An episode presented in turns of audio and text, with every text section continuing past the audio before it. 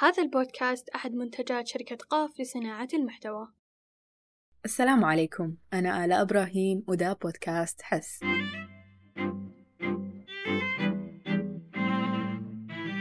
في الحلقة الماضية اتكلمت عن اللغة وأهميتها في الإدراك. وفي الحلقة دي عايزة أوضح مفهومي للغة والقراءة. فاللغة هي مجموعة رموز لها معاني معينة والقراءة هي تفكيك للرموز دي وفهم معناها. حأدي مثال. الكلام العربي اللي مكتوب هو رموز معينة إحنا كعرب بنعرف نقراها. لكن لو جينا شفنا كلمات مكتوبة باللغة الكورية مثلا هنحس إنها رموز. وتفكيك الرموز دي حيكون صعب علينا. معناها إحنا ما قدرنا نقرأ الرموز دي. فاللي داير أوصل ليه الحياة مليانة رموز وإحنا بنقدر نقراها. ما شرط تكون كلمات مكتوبة. فمثلا بقدر أقرأ تعابير وجه الشخص اللي قدامي وأفهم معاني ما انقالت في كلماته. أقرأ نبرة الصوت. أقرأ جو الغرفة. أقرأ الكلام اللي بين الكلام. أقرأ لغة الحياة حواليني. أقرأ. واحدة من اللغات اللي حنستعين بيها لفهم المشاعر هي لغة العلم التجريبي. لأنه أول مرة سألت فيها جوجل ما هي المشاعر؟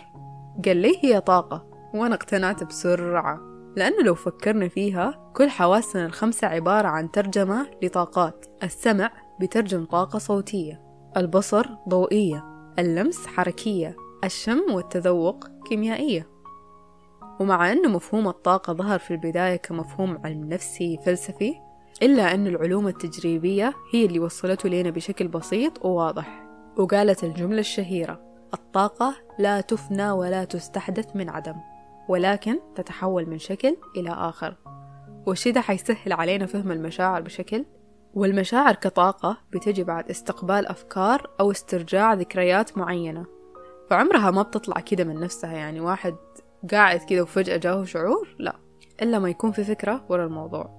وحتى الناس لما بالغت وطلعت فكرة حب من أول نظرة جا الحب بعد النظرة. لكن أنا هعترض وحاقول في فكرة في النص. فغالبا بيحصل حدث خارجي والحدث ده بيتحول إلى فكرة والفكرة بتتحول لشعور. فمجرد الحدث ما بيسبب شعور. حاديكم مثال لو جيت لطالب ووريته ورقة مكتوب فيها رقم سبعة وسبعين. مجرد رقم سبعة وسبعين ما حيديه شعور لكن لو قلت له سبعة وسبعين دي درجتك في الامتحان؟ حيجيه شعور حسب أفكاره. لو كان متوقع درجة أعلى حيجيه شعور إحباط. لو كان متوقع درجة أقل حينبسط. لو كان متوقع نفس الدرجة يمكن ما يحفز عنده أي شعور.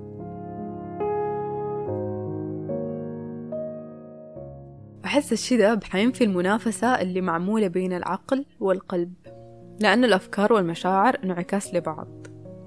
الفكرة بتمثل العقل والشعور بيمثل القلب.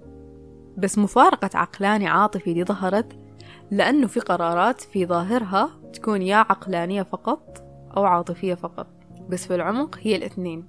فمثلا قرار اختيار التخصص. فلنفترض إنه التخصص اللي بحبه وعايزة أشتغل فيه هو الرياضيات وطموحي أكون معلمة رياضيات. بينما التخصص اللي فيه طلب في سوق العمل هو تخصص التسويق. بس أنا ما بحب تسويق ولا بكرهه عادي. لكن حأضمن وظيفة. فحيكون القرار الظاهر إنه يا حأختار عقلي وأضمن وظيفة ولا حأختار قلبي وأختار الرياضيات. بس حب الرياضيات جا من أفكار مسبقة عن الرياضيات. المعلمة اللي درستني كان لها دور كبير في حبي للرياضيات. قدرتي على فهم وحل الرياضيات خلاني أستمتع به بشكل كبير.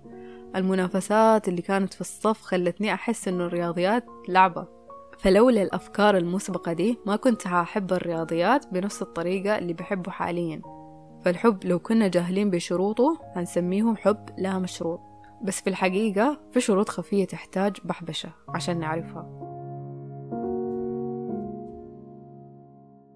في المقابل اختيار التسويق وضمان الوظيفة ما قرار عقلاني فقط. صراحة قرار عاطفي لأنه ضمان الوظيفة حيجي معاه شعور بالأمان والأمان هو الحاجة اللي ببحث عنها. حتكون المقارنة بين شعور الأمان وشعور الحب.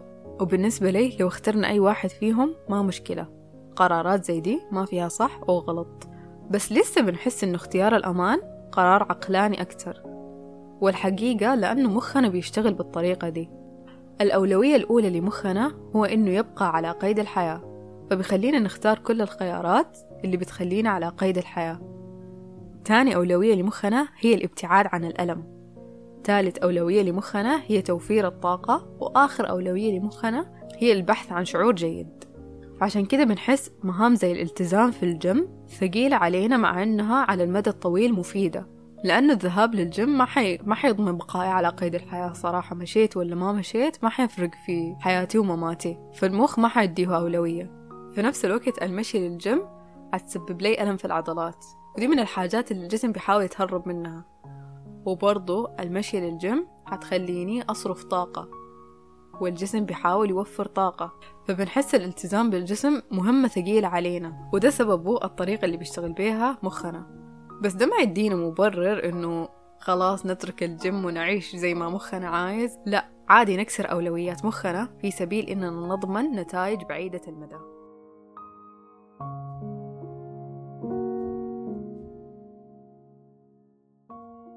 تمام.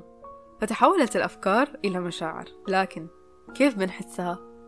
صراحة ما أعتقد في إجابة صحيحة واحدة للسؤال ده واحدة من الأفكار المثيرة للاهتمام بالنسبة لي هي جهلنا التام بالطريقة اللي بيختبر فيها الناس غيرنا مشاعرهم كثير بسمع فكرة إنه هل اللون الأحمر اللي أنا بشوفه هو نفسه اللي غيري بشوفه؟ بس السؤال اللي محير فعلا بالنسبة لي هل الشعور اللي أنا بحسه هو نفسه اللي غيري بحسه؟ لأنه بحس أوصافنا للمشاعر مختلفة من شخص لآخر. وفي ناس بتقول إنه في مشاعر حب بعدد الناس اللي في الدنيا. كل واحد بيختبره بطريقته الخاصة. وبرضه من الحاجات اللي بتخليني أتأكد إننا بنحس المشاعر بطريقة مختلفة هو إننا بنعبر عنها بطريقة مختلفة. فواحد من الأمثلة الواضحة على الشي ده هو الطريقة اللي بنضحك بيها أو بنعبر فيها عن الضحك. في ناس ضحكاتهم عالية في ناس ضحكاتهم على الهزاز. في ناس بتدمع لما تضحك في ناس بتضرب أقرب شخص ليها لما تضحك في ناس بتصفق. في تعابير مختلفة للضحك.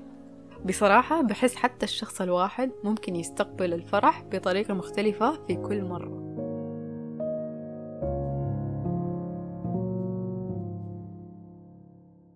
بعد ما تنتهي الحلقة خلونا ناخد وقت نتعرف على نفسنا ونحل التمرين المرفق في الوصف. اللي فيه هتحددوا الأماكن اللي بتحسوا فيها بالمشاعر المختلفة في جسمكم. وإذا ما كنتوا عارفين حاليا حاولوا انتبهوا ليها في أيامكم الجاية. وارجعوا حددوا لما تعرفوا بالنسبة لي أغلب مشاعري بحسها في قلبي. ما عدا الحزن بحس بيه في حلقي. أو زي ما بيقولوا بتخنق لي العبرة. والغضب بحس بيه جوا جوا مخي. الخوف مرات بحس بيه في بطني ومرات بتجيني أم الركب حلوا التمرين وشاركونا أجوبتكم على إنستغرام. مهتمة أعرف لو في اختلافات ولا لأ. وبكذا نكون وصلنا لنهاية الحلقة. وشعور حلقة اليوم هو الامتلاء. والامتلاء بالنسبة لي هو الشعور الغامر اللي بحس به بعد إنجاز مهمة بحبها أو فيها تحقيق للذات. بتكلم عنه لأنه بحسنا تعودنا إنه المهام تكون حاجة ثقيلة وبايخة. أو زي اسمها مهام بتجيب الهم. فممكن نختار بدون وعي مننا المهام اللي بتضغطنا.